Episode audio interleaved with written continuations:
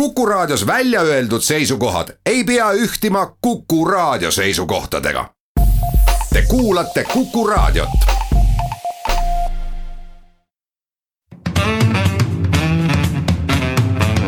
muuli ja Riikoja tere päevast, head kuulajad, on reedene päev, on, kell on kaheksa minutit üksteist läbi ja sestap on ka saate Muuli ja Riikoja aeg ehk Kalle Muuli ja Hindrek Riikoja on stuudiosse tulnud. tere päevast. alustame täna Ida-Virumaast, õigupoolest Eesti Energia teatest, et enam kui tuhat kolmsada inimest tuleb saata sundpuhkusele peamiselt siis põlevkivi kaevandamise, aga ka elektri tootmisega seotud inimesed, sellepärast et põlevkivienergia hind on kasvanud nii kõrgele, et Eesti Energia ei suuda seda kasumlikult toota ja müüa. teiseks räägime uuest äh, Eesti esindajast Euroopa volikogus või Euroopa Komisjonis äh, uueks volinikuks saab Kadri Simson, Keskerakonna otsus on selline ja eks ka koalitsioon ole selles kokku leppinud. paljud võib-olla enam ei mäletagi, aga esmaspäeval umbusaldati või taheti umbusaldada selle valitsuse esimest ministrit, siseminister Mart Helmet ootuspäraselt muidugi umbusaldus läbi ei läinud.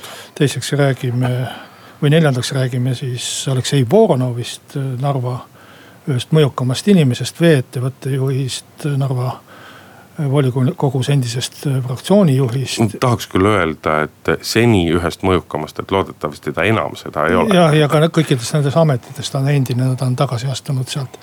ja, ja, ja volikogu liikmest, kes siis äh, äh, sai lõppeval nädalal kätte oma lõpliku karistuse, minnes prokuratuuriga kokkuleppele äh, altkäemaksude eest, äh, riigihanke seaduse rikkumise eest ja nii edasi. sotsid kogunevad pühapäeval uut esimest valima katsume selle asja siis täna ära otsustada. muuli ja Riikoja. Elektrienergia tootmises on keerulised ajad, CO2 kvootide hind on tõusnud kõrgele, Venemaalt äh, tuleb äh, elektrienergiat sisse suhteliselt äh, väga soodsa hinnaga ja kõik see on tekitanud olukorra kus Eesti Energia on sunnitud eh, esialgu sundpuhkusele saatma suurusjärgus tuhat kolmsada inimest, peamiselt siis põlevkivi tootmisega ja eh, põlevkivi kaevandamisega ja elektrienergia tootmisega tegelevat inimest, sellepärast et lihtsalt ei suudeta, ei suudeta nii-öelda konkurentsivõimelise hinnaga põlevkivist elektrienergiat toota ja, ja pole mõtet seda majanduslikult teha iseenesest see, et asjad nii lähevad, ei olnud selles mõttes üllatus, et juba eelmise aasta lõpus ja selle aasta alguses räägiti, et tõenäoliselt raskused on tulemas ja räägiti ka võimalusest, et suurusjärgus kuni paarsada inimest peavad, peavad noh, ikkagi sisuliselt tööta jääma, sest et ega kuskilt ei paista ka seda võimalust, et nii-öelda sisendite hinnad ja kõik muu võiks nii palju muutuda, et, et oleks mõistlik uuesti need vanad põlevkivikatlad tööle panna ja nii edasi et äh, üllatav on just ja ootamatu avalikkusele ja tegelikult ka poliitikutele oli ikkagi see tõik, et see inimeste hulk on nii suur jah, noh, seal on niisugune keeruline probleemide pundar, ühest küljest äh, kohalike inimeste elujärg. teisest küljest Eesti, ütleme siis iseseisev elektrivarustuse võime ja kolmandast äh, küljest veel keskkonnaküsimused, mis on üle-euroopalised reguleeritud, et mingis mõttes see Ida-Virumaa näide, kui hakata keskkonna otsast pihta, sobib ka võib-olla veidi illustreerima seda, kui, kui kummaline, äh, kui äh, vastuoluline ja võib-olla ka kui silmakirjalik on tegelikult mingis mõttes kogu, kogu see keskkonna problemaatika, mis Euroopa tasemel on üles tõstetud, et kui sa toodad või kui sa põletad seda põlevkivi elektrijaamas siis äh, sa saastad, su, su keskkonnaalane jalajälg on kohutavalt suur, aga kui sa teed sellest põlevkivist õli vead selle õli kuskile välja ja see põletatakse kuskil mujal, siis on kõik väga hästi ja väga puhas, et Norra on näiteks äh, üks selline suurepärane äh, keskkonna noh, eeskujulik riik, kus on, kus on väga palju rohelist energiat, aga samal ajal pumbatakse maa seest nahva, naftat, nii et aitab, aga see põletatakse kuskil mujal ära maailmale on see kõik üks ja sama, aga niisugused need mängureeglid on. et kui pakutakse, ütleme Ida-Virumaale lahenduseks seda, et noh, elektri asemel õli hakata tootma. siis ega see ka ei ole väga, väga pikk ja jätkusuutlik tegevus, sellepärast et millegipärast nende arutelude käigus ei ole mainitud, aga mina mäletan selgesti, et aastal kaks tuhat viisteist või kuusteist, kui maailma naftahinnad olid äh, väga madalad siis oli õlitehastega seesama probleem, nad ei olnud konkurentsivõimelised. siis tuli õlitehaseid kinni panna. nii et kui me hakkame nüüd rääkima, et peaks investeerima ja tegema suuri ja pikaajalisi kapitalimahutusi õlitööstusse, et siis neid võib tabada seesama, sama saatus, mis põlevkivielektrijaamu. ja siis kolmandast küljest on veel kuskil odav Vene elekter. mis tahaks ütelda küll, et kui on kuskil odav kaup nagu Lätis odav viin, et ostkem siis Venemaalt odavat elektrit, aga see on meil jälle julgeolekupoliitiliselt täiesti vastuvõetamatu samm ja rääkimata siis noh, võib-olla sellest, et oma, oma Ida-Virumaaga ei ole mitte midagi teha. et äh, tohutu hulk keerulisi küsimusi, keskkonnakaitseliselt muidugi mainiksin veel ära ka puidu põletamise, mis Euroopa mõistes on täiesti nii-öelda aktsepteeritav tegevus. no ikka puhas roheenergia. puhas roheenergia, vähemalt äh, äh, CO2 heite mõttes loetakse teda keskkonnaneutraalseks, ehk siis see, mis sa õhku paiskad põletamisega, sellega, selle uus puu, mis istutatakse asemele. või uus mets, mis kasvab, sööb jälle õhust ära. et selles mõttes Euroopa lubab puidu põletamist väga hea meelega. kuidas selle peale vaatavad meie omad rohelised ja võib-olla ka meie elanikud kes peavad eh, noh, selle maha langetatud metsade ääres elama, siis see on jälle hoopis, hoopis teine küsimus, et selline eh, noh, suur segapuder, mille, mille suhtes ma arvan, et kõige lihtsam lahendus oleks, kui valitsus taotleks lihtsalt eh, Euroopa Liidust riigiabi luba ehk müüks või ostaks selle saaste, saat-, saastekvoodi ise või maksaks selle siis kinni ja saaks selle probleemi vähemalt ajutiselt äh, niiviisi lahendatud, võib-olla, et see oleks kõige kiirem lahendus. no valitsusel ongi siin nii-öelda kaks rolli, et üks äh, või kaks ülesannet, kaks võimalust, üks asi on nagu sa välja tõid, eks ole, taotleda seda riigiabiluba Euroopa Liidust on, äh, kui ma nüüd ei eksi, Poola ja vist veel üks näide, kus nii-öelda paar sellist näidet on olemas.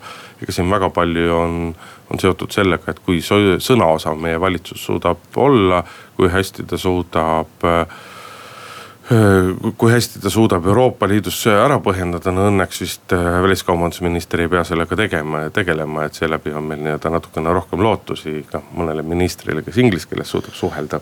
kaubandusega on tegemist, aga kvoodikaubandusega põhiliselt. jah, just.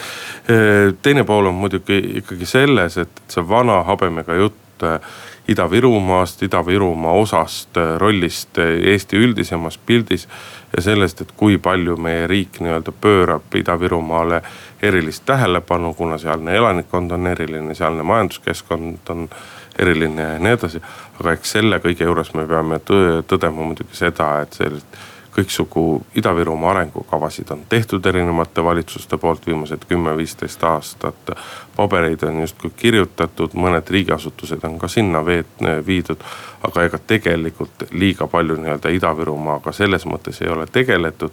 et, et seal oleks mingisugused sellisteks olukordadeks, ühest küljest Tallinnast vaadates tuhat kolmsada inimest, no mis see siis nagu ära ei ole, eks ole, et jumal, töö igal pool töökäsi otsitakse ja nii edasi. Ida-Virumaal tuhat äh, kolmsada töötavat inimest, arvestame sinna nende pereliikmed kõik juurde, see on ikkagi väga oluline mõju nagu Ida-Virumaale tervikuna, aga veel rohkem nii-öelda üksikutele omavalitsustele. et, äh, et, et riik ei ole Ida-Virumaaga piisavalt tegelenud, seal ei ole, seal ei ole olemas mingisuguseid, mingisuguseid reaalseid lahendusi. riigil ei ole regionaalminister Jaak Aab ka siin kommenteeris nädala alguses neid uudiseid. aga kogu tema jutt oli nagu väga ümmargune, et, et ega riigi abile nagu väga selles mõttes ei ole loota, et kas oleks kas oleks kuidagi lihtsalt võimalus seal mingisugused, mingisuguste tootmisettevõtetega alustada ja nii edasi, nii edasi, nii edasi. no üks küsimus on see, et mis me selle põlevkiviga teeme.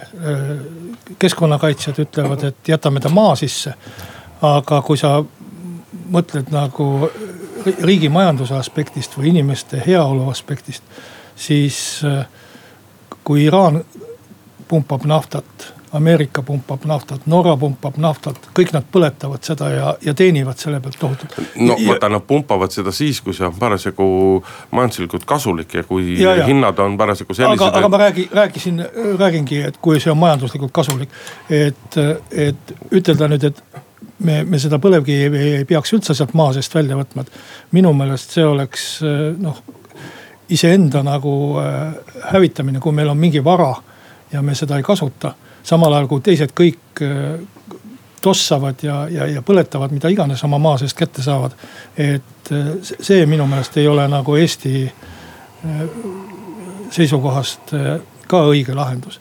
et, et no, kui, no jaa, aga ma siiski rõhutaks, et majand... iga hinna eest ei ole mõtet seda nii-öelda praegu välja kaevata, et eks ta tõsi on, et noh, meil liiga palju võimalusi põlevkivi väärindamiseks nüüd ei ole, eks ole, et elekter, õli ja pisut mõni üksik asi veel aga kui see maavara on meil olemas, noh, me ei saa ka välistada, et kümne, viieteist, kahekümne aasta pärast on võib-olla sellele mingeid veel rentaablimaid rakendusi leitud ja.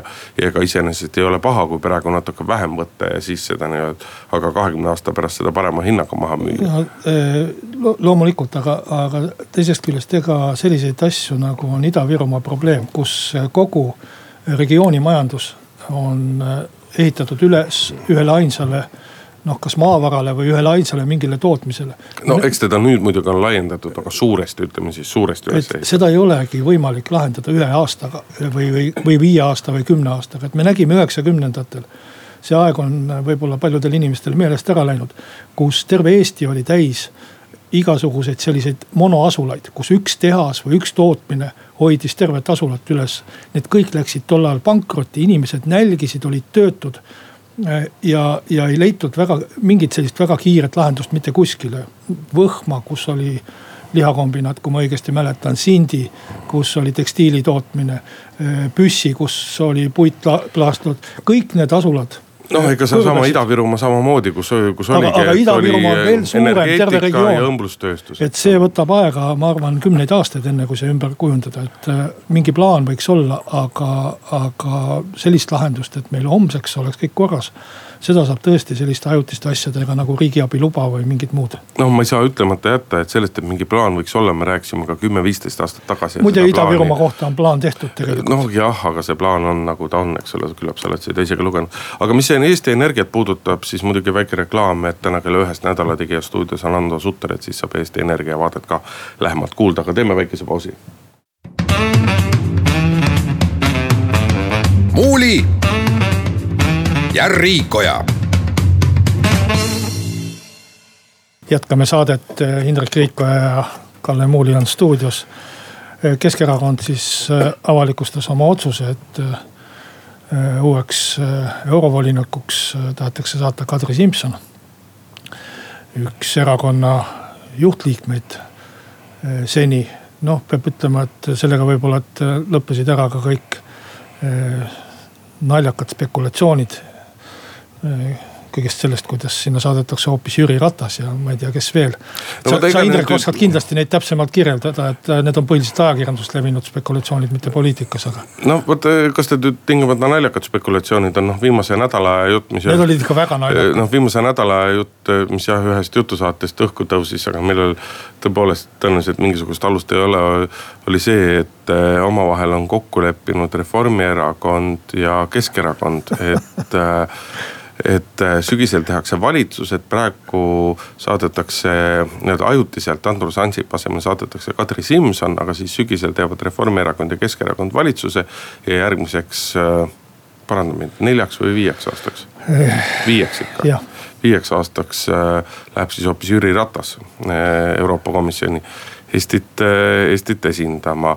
no seda, et Keskerakonna sees seal nii-öelda, ma ei tea, nimetame seda siis tagatoaks, juhtgrupiks või aktiivseks osaks, et seal on nii-öelda arutletud aegade jooksul nii-öelda küll jah mängitud mõttega, et, et on justkui nagu kolm potentsiaalset kandidaati, et äh, Mailis Reps, äh, Kadri Simson ja Jüri Ratas. et noh, neid nii-öelda mõtteharjutusi on tehtud, aga Jüri Ratase Jüri Ratasest nagu liiga tõsiselt ei ole, ei ole kunagi rääkinud. niikaua kui kogu aeg on paistnud, et ikkagi võimalus on peaministri kohal temal, temal nagu jätkata. et selles mõttes see nüüdne otsus ka ju, mis, mis, mis, mis igatpidi kinnituse sai, on ju see, et, et see otsus räägib sellest, et, et Kadri Simson saadetakse nii-öelda järgmiseks äh, volinikuks Euroopa Komisjoni. ja ennem seda teeb ka ta ka selle vajadusel selle ajutise perioodi ära, et see rõhk on kogu aeg sellele järgmisele pikale perioodile.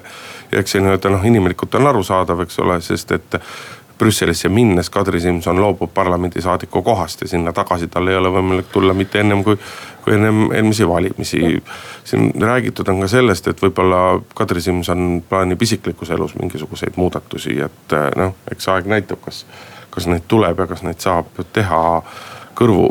minu arust eh, pigem on nagu probleem ma ei ütlegi, et probleem, pigem on nagu küsimus selles, et äh, kui me vaatame, kes on meid siiamaani esindanud äh, Euroopa Komisjonis. Äh, ehk siis Siim Kallas ja Andrus Ansip, mõlemad nad on saanud ka ase, asepresidendi koha Euroopa Komisjonis aga nad on olnud juppmaad kõrgema rängiga poliitikud, kui, kui seda on Kadri Simson. ma ei taha öelda, et Kadri Simson on kuidagi rumalam või mida iganes, aga tegemist on ikkagi olnud nii-öelda staažikate ministrite, endiste peaministritega. Kadri Simsonil on ette näidata nii-öelda mõned ministrikohad, et et seda võib vist tänasel hetkel, kuigi me ei tea ju, kes saab Euroopa Komisjoni presidendiks, kõik need vaidlused alles seisavad ees.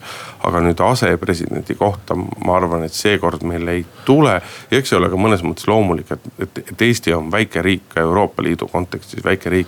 kui meil on nii mitu korda järjest olnud äh, asepresidendi koht äh, meie jagu, et siis noh, üks hetk tuleb sellest loobuda. ma ei näe seal äh, suurt mingit tähtsust, kas tal on see asepresidendi Äh, formaalne tiitel või mitte, tähtsam on see, see portfell, mille ta saab. aga, aga ma ikkagi ütleksin selle kummalise või naljaka kuulujutu. Kui lihtne on ikkagi Eestis levitada kõige uskumatumaid teooriaid, selle Kadri Simsoni voliniku koha ümber ei ole tegelikult mingeid tõmblusi olnud. aga, ja, ja vanasti. Mida sa nendeks tõmblusteks pead, neid arutelusid, kes sinna kohale võiks minna ja kas sellist, see on Kadri sellist Simson? juttu, et Jüri Ratas ja et Reform ja Kesk oleks midagi kokku leppinud, see, see on nii absurdne ja, ja see on nii tuntavalt, Indrek, ma lasin sul pikalt rääkida. sellega ma olen nõus. et, et vanasti Reformierakond levitas selliseid jutte Postimehes, seal oli paar reporterit, kes suu lahti kuulasid ja panid kõik kirja hoolikalt, mis Reformierakonna spinnimeistrid nagu välja mõtlesid. mulle tundub, et nüüd ei ole enam kedagi, kuna need inimesed on Postimehest lahkunud nüüd ei ole enam kedagi, kellele mulle, mulle levitada, et Ahto Lobjakas on vist ainus veel, kes nagu neid eh, kõige, kõige fantastilisemaid jutte äh, äh, usub ja, ja, ja arvab, et Jüri Ratas saadetakse Reformierakonna ja Keskerakonna kokkuleppel ära Euroopa Komisjoni. ma ei saa sulle muidugi ütlemata jätta seda, et need kõige uskumatumad kuulujutud tekivad sellepärast, et Eesti poliitikuid on lihtsalt, Eesti poliitikud on lihtsalt teinud kõige uskumatumaid tegusid, mida keegi ei oska oodata. no jaa, aga teeme... see, see küsimus oli siiski ammu kokku lepitud juba aprillis et.... aga teeme siinkohal pausi, pool tunni uudiseid, oleme siis eetris tagasi Muuli ja Riikoja. Läheme saatega edasi, Kalle Muuli ja Hindrek Riik on stuudios. esmaspäeval anti üle siseminister Mart Helme umbusaldusavaldus, seda siis eh, kõigi neljakümne viie opositsioonipoliitiku allkirjaga ja valitsus eh, nii-öelda suunas selle ka kiirele arutelule ehk tollesama esmaspäeva õhtul peeti mitmetunnine jutumaraton äh, parlamendis äh, maha, mille käigus äh, loomulikult nii-öelda umbusaldusavaldus toetust ei leidnud, kuigi taaskord nii-öelda koalitsiooni hääled pidasid välja arvatud Viktoria Ladõnskaja-Kubits, kes, kes hääletas umbusalduse, umbusalduse poolt, et noh. mida me sellest kõigest siis nii-öelda nagu teada saime? et ega mina ei oska nagu, mina ei oska seda kokku võtta nagu muuga kui mitme inimese mitme inimese tõdemusega, et issand jumal, kas meie minister on tõesti selline mats.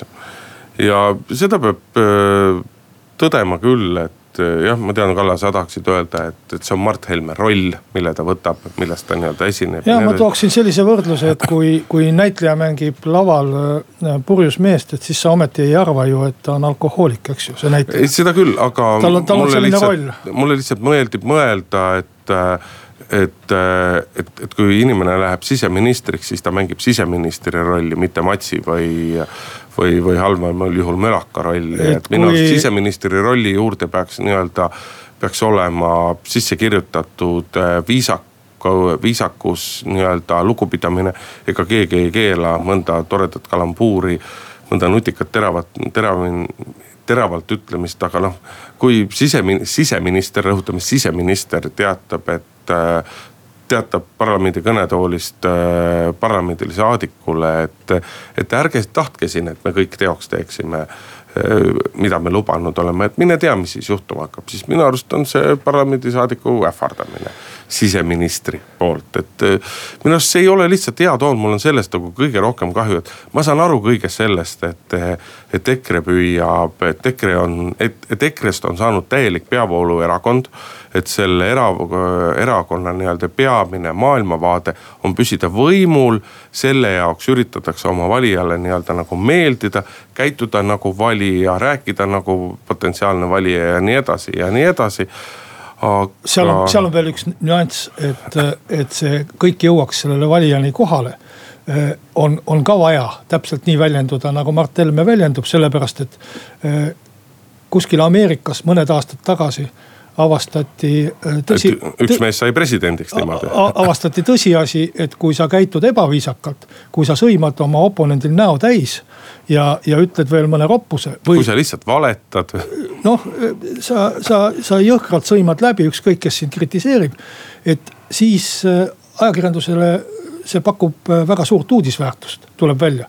et võib, ajad on muutunud ja, ja, ja meedia on muutunud, et see aeg, millest sina räägid kus poliitikud püüdsid etendada rolli, et nad on väga viisakad inimesed, kes käivad valge särgiga lips ees. ei, ei, ära oota, sa sai post valesti aru, ma see, see selles mõttes segan vahele ka..., et ma ei taha, et nad seda rolli etendavad, ma tahaksin, et nad oleksid sellised. jah, aga, aga igal juhul see, mida sa näed, ongi roll. Äh, ma arvan, et ka see teine on äh, väga sageli roll lihtsalt see on meile vastuvõetavam ja viisakam ja, ja, ja aktsepteeritavam roll ja võib-olla me oleme selle rolliga rohkem ka harjunud. et äh, on tekkinud uus ma ei tea, kas nišiks on seda võib-olla vähe nimetada, aga uus ikkagi sektor poliitikas, kus, kus sa mängidki sellist rolli, et oled selline jõhkard ja, ja mingile hulgale valijatest see väga meeldib. et noh, lihtsamalt öeldes, et, et, et ma, ma ei suuda mõista väga paljusid sinu maailma maailmavaatelisi seisukohti, Kalle, ja minu arust suur osa nendest on ikkagi puhta rumalad. aga ma ei saa sulle. Need on väga ma... targad Indrek. noh, jah, ütleme, et äh, oma noh, ütleme, sa kahjuks ei saa asjadest õigesti aru, aga ma ei pea kunagi pelgama, et, et sa käitud nagu mölakas. sellepärast, et äh, ma, ma eeldan, et meie valijale ei meeldiks see ka. et kui sa tahaksid, et ma ropendaksin ja vannuksin, et siis ma. et sa tahad mulle öelda, et sa iseenesest oleksid valmis nii-öelda EKRE valijat valijate püüdmise nimel käituma ja rääkima nagu mölakas. Kalle, ma ei usu seda. seda mitte. võib-olla ma arvan liiga hästi. seda mitte, see on õige, aga ma tahtsin ütelda lihtsalt, et ma suudaksin seda, kui, kui vaja oleks. aga, aga mitte, et ma selleks valmis oleksin. mis oli eh, noh, vaieldamatult nii-öelda nagu kõige eredam hetk muidugi selle umbusalduse avalduse arutelu juures oli oli eh, Kadri Simsoni, Mart Helme koalitsioonikaaslase väga terav reageering tema väitele, et et kui omal ajal räägiti peaministri kabinetis äh,, kuidas siis nüüd juriidiliselt täpne on, kunagise väliskaubandusministri äh, Kuusiku personaalküsimusele, et siis justkui see skandaalne telefonikõne äh, ministri kunagisele abikaasale, et seal justkui olla nii-öelda nagu küsinud äh, Jüri Ratas midagi, et siis Kadri Simson väga teravalt reageeris, ütles, et kulla Mart, sa oled siin, ma ei tsiteeri. et kulla Mart, sa oled siin kõnetoolis praegu valetanud, et, et me näeme harva muidugi, et koalitsioonikaaslased nagu nii teravalt astuvad oma koalitsioonikaaslase varba peale, aga, aga ega Keskerakonnal ei olnud ka selles mõttes midagi teha, et see võimalik äh, koduvägivalla vahejuhtum, mida politsei ja prokuratuur praegu veel uurivad. et see väga selgelt see nii-öelda, see mõjutab EKRE-t ilmselgelt ja Keskerakond ei saa mingil juhul lasta enda kuvandile külge jätta mingisugustki märki, nagu nad oleksid selle asjaga seotud, et. et seal ei olnud Keskerakonnal nii-öelda nagu muud teed ja ja teatud mõttes Kadri Simson oli kõige turvalisem valik seda ette, etteheidet tegema. no äh, Kadril tuli see tõesti väga hästi välja, aga ega ma sellel ühe enam kui kuu vanuse telefonikõne kallal naaksumisest ka eriti palju ei arva. seal on muidugi see asi, ma saan aru, mida Reformierakond taotleb. Nad taotlevad olukorda, kus peaminister on midagi avalikult ütelnud, midagi kinnitanud ja et äkki ta jääb siis mingisuguse valega või mingisuguse nüansiga vahele, et see päris nii ei olnud. ja, ja kui peaminister, peaminister on valetanud, siis see on äh, praktiliselt äh, ikkagi äh, tagasiastumise. see ei ole siseministri või rahandusministri valetamine. aga tagasiastumise küsimus, aga, aga äh, noh, ma olen oma elus nii palju inimeste mälestusi äh, kuulanud ja lindistanud, sadu. Et ma võin ütelda, et isegi see kuu aja vanune telefonikõne on inimeste mäludes äh, niisugune asi, et see võib täiesti vabalt ja täiesti ausalt olla erinevatel inimestel erinevat moodi meeles. toimus mingi sehkendamine, keegi helistas, võib-olla võeti selle sehkendamise ajal kümneid telefonikõnesid. ja mida kauem aega sellest mööda läheb, seda, seda rohkem inimesed mäletavad seda, mida nad on juba rääkinud või, või mida nad on avalikult ütelnud, kui seda, mis tegelikult toimus. tead, siin ma arvan, sa natuke siiski koalitsi-, üritad koalitsioonipartnerit eh. kaitsta, sellepärast et eh. see on nagu nii eriline telefonikõne, et. et mida selles telefonikõnes räägiti, kes selle telefonikõne alustas, kes kus oli. ma arvan, et see püsib ikkagi asjaosalistel veel aastaid ja aastaid meeles, et see on nagu piisavalt eriline. aga eh, võib püsida erinevalt meeles, seda ma tahtsin ütelda. mida oli muidugi nii-öelda rõõm vaadata selle, selle umbusaldusavalduse arutelu juures oli see, et et Reformierakond on, Reformierakonnast on saanud ikkagi korralik ja kaasaegne opositsioonipartei, et nad on leppinud oma rolliga ja tegelikult, kui me võtame kümne aasta tagant mõned, ette mõned nii-öelda umbusaldus avalduste stenogrammid, siis äh, kogu retoorika, kõik võtted, kõik äh, maailma lõpu kuulutamised, ahastamised sellest, kuidas kõik on äh, kõik, kuidas kõik on tuksis, et Reformierakond on selle nagu suurepäraselt omandanud, mitte et ma tahaks öelda, et Mart Helmele liiga tehakse, kindlasti ei tehta liiga, et Mart Helme on kõike muud kui sobiv inimene siseministri kohale, aga opositsioon käitub alati ühtemoodi, koalitsioon käitub teistmoodi ja, ja poliitikud on tegelikult ju väga varmad nii-öelda ümberkehastumist läbima, et kui vaja, siis oleme koalitsioonipoliitikud, kui vaja, oleme opositsioonipoliitikud. et Reformierakonnal pärast enam kui viiteist aastat äh, valitsuses olemist on nüüd opositsiooni amet tõeliselt selge. ma sellistel mõttetutel umbusaldusavaldustel küll mingit, mingit otstarvet ei näe. see, mis Reformierakond teeb, ma saan aru, et nad tahaksid ka näidata, et nad midagi teevad, aga no see ei ole, see ei ole arukas. sa lihtsalt. ei, selliseid mõttetuid on kõik parlamendierakonnad teinud, et see vot selle poolest ei eralda. opositsiooni seisukohast ei ole ükski umbusalduse avaldus mõttetu, sellepärast et ega umbusaldusavalduse mõte ei ole tingimata ministrit maha võtta, et see oli ju teada, Reformierakond juba allkirja kogudes ma ei ütel, ma ei ütelnud ju, et, et umbusaldusavalduse mõte on ministrit maha võtta ainult. Seal on muid mõtteid ka, aga sellel ei olnud ühtegi mõistlikku mõtet, see ainult konsolideeris EKRE toetajaid et, et see. ka selles see, ei ole ma muidugi viimasel ajal enam väga kindel. see, see oli nüüd äh, küll äh, minu meelest päris kindel. üks nüanss seal siiski oli, mis minu meelest oli sellest telefoninääklusest isegi olulisem, oli see, et äh, Mart Helme minu jaoks arusaamatult äh, enesekindlalt ja, ja ülemääraselt enesekindlalt ja, ja konkreetses kõneviisis raius, et äh, Mart, Marti Kuusiku kriminaalasi on läbi kukkunud see, see, seal ei ole ühtegi tunnistajat, seal ei ole ühtegi tõendit. peaaegu et sellised olid tema sõnad, kui ma niiviisi mälu järgi tsiteerin. mina nii kindel tema asemel selles ei oleks ja, ja, ja kui siseminister tuleb, ütleb selliseid asju enne kui uurimine on tegelikult lõpetatud ja, ja kriminaalasi on tegelikult lõpetatud. ma arvan, et tal täitsa võib juhtuda, et tuleb äh, kunagi oma sõnade eest vastust anda, et see tulemus tegelikult võib olla hoopis teistsugune. me, me ei saa sugugi välistada, et äh, uurijad leiavad ülehomme või, või, või homme või, või nädala pärast äh, tunnistajaid ja tõendeid, mis tõendavad hoopis teistsugust asja. ja ma ei tea, mis juttu ta siis räägib, eks, eks ta muidugi esineb sama enesekindlalt siis, aga minu meelest oli see üks äh, selle umbusaldusavalduse või arutelu üks selliseid võtmekohti, kus tegelikult Mart Helme värvis ennast tulevikuks nurka kui sealt tuleb kahtlustus, kui sealt tuleb kohtusse minek, mis ei ole minu meelest sugugi välistatud.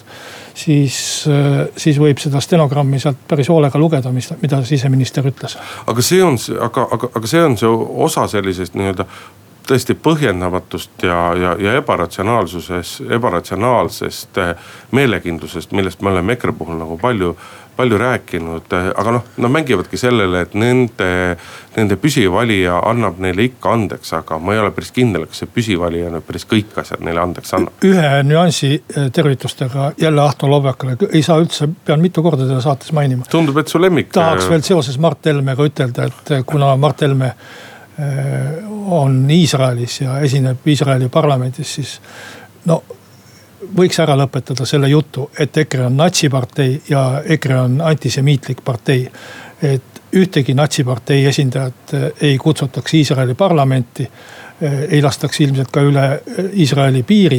ja ma ütleks, et ükski anti, antisemiit ja natsipartei liige ka ei läheks. no eks see natsipartei on muidugi mõnevõrra kujundlik väljend, et selles aga mõttes. aga ma olen kuulnud ühest teisest saatest seda ikka päris palju. Muuli ja Riikoja.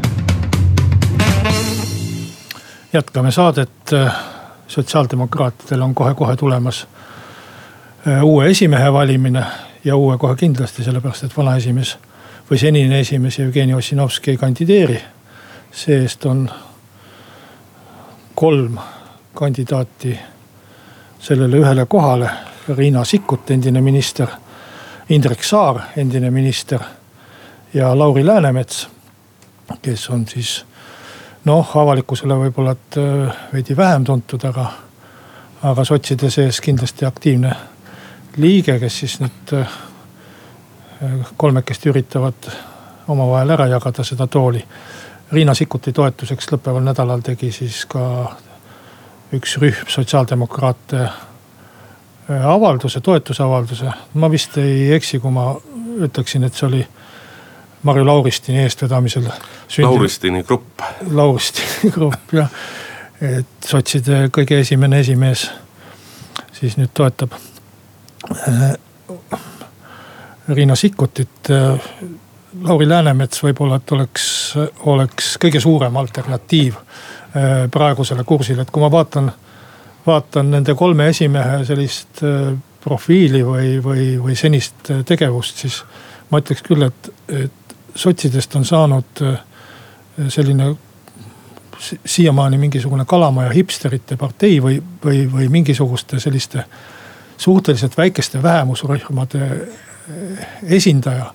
et see sotsiaaldemokraatlik kaade, mis, mis kunagi, kunagi algas töölisklassist ja ma ei tea, vaeste kaitsmisest pihta on, on kuidagi ära pihustunud või killustunud.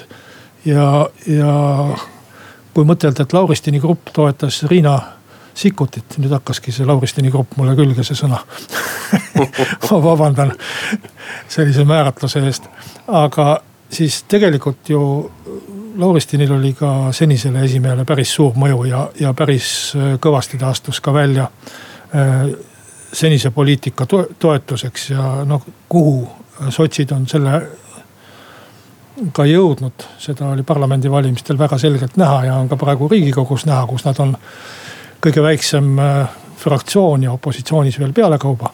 et tegelikult kui mina oleks sotsiaaldemokraat, aga ma ei ole ja ei hakka ka. siis ma valiksin Lauri Läänemetsa, sest ma arvan, et see oleks tõeliselt selline eh, noh mingi pöörde moodi või mingi teistsuguse suundumuse moodi asi.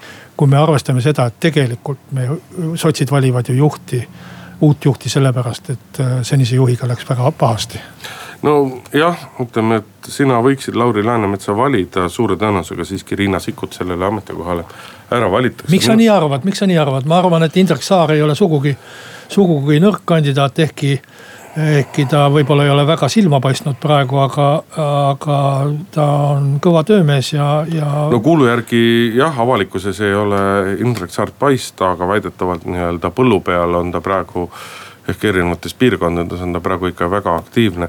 no ütleme natukene sisetunne, natuke kuulata, mida sotsid ise räägivad, siis ma arvan, et Sikkut on nii-öelda, Sikkut on tõsine, aga minu arust suurem probleem on see, et mäletatavasti valis, valisid sotsiaaldemokraadid Jevgeni Ossinovski ka neli aastat aastat tagasi Sven Mikseri asemel oma esimeheks. Ja, ja toona mitmed mõjukad äh, sotside esimehed ütlesid, et nad olemuslikult pooldavad ja olemuslikult peavad õigeks, et Ossinovski äh, esimeheks saab, aga et see on liiga vara et ole, oodata võiks veel kaks aastat. Ja, ja see põhjus oli see, et Ossinovskiga tekkis väga selgelt see probleem, et ta oli nende valimiste jaoks, mis meil nüüd kevadel olid, ta oli juba maha käinud.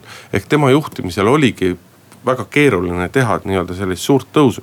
et tegelikult minu arust sotsid võiksid praegusel hetkel, et siin noh, sellest valikust näiteks Riina Sikkut ja Indrek Saar võiksid omavahel kokku leppida, kes on esimehe, esimees järgmised kaks aastat ja kes siis sealt edasi, et kahe aasta pärast oleks vaja uut et teatud mõttes on sellist nii-öelda vaheesimeest praegusel Kuule, hetkel vaja. mis sa nüüd juttu, sellist juttu räägid, et erakonnale valitakse esimeest ainult kaheks aastaks kaua Andrus Ansip oli Reformierakonna esimees, kümme aastat. aga Andrus Ka Ansip kaua... on ka üks nendest vähestest väga säravatest poliitikutest, et nii kaua... Indrek Saar kui Riina Sikkut on väga toredad inimesed, aga kas sa, aga kas sa, aga, aga, aga kas sa käed südame peale pannes ütled, et nad on, et nad on mõlemad nii säravad isiksused, et neid, nad sel... võiksid astuda kõrvuti. selliseid ja... inimesi, kes peavad erakonna esimehe ametikohal vastu ainult kaks aastat, ei peaks üldse valima. et et äh, tõesti, see tähtaeg on kaks aastat, aga, aga kui see meil, meil perspektiiv on nii, et valime inimesi sellepärast, et valida varsti keegi uus. see on ikka väga-väga kummaline parteipoliitika areng. et äh, need era, erakonna esimehed, kes on olnud edukad ja, ja kellest erakonnale tõesti midagi kasu on, on kõik olnud ametis ikkagi rohkem kui kaks aastat, et äh, noh, kui vaheesimees, siis võib ükskõik kelle sinna valida, elektrivorsti ka kas... ja siis võiks Ossinovskiga jätkata. aga kas need kolm või üks nendest kolmest või kaks nendest kolmest on sinu hinnangul sellised esimehed, kes, kes võiksid olla kümme aastat, kümme aastat sotside eesotsas viia sotsid, kui mitte valimisvõiduni nelja aasta pärast, siis vähemasti nii-öelda ütleme. minu sügav, sügav veendumus on, et Eestis ei võida sotsid minu elueal küll ühtegi, ühtegi valimist ega, ega saa Eesti suurimaks parlamendifraktsiooniks, et selles ei ole kindlasti küsimus, aga. ja, ja ma arvan, et, et ega sotsidel ei ole ka praegu väga midagi õisata liidriga, nii nagu paljudel teistelgi Eesti parteidel on liidritega raskusi.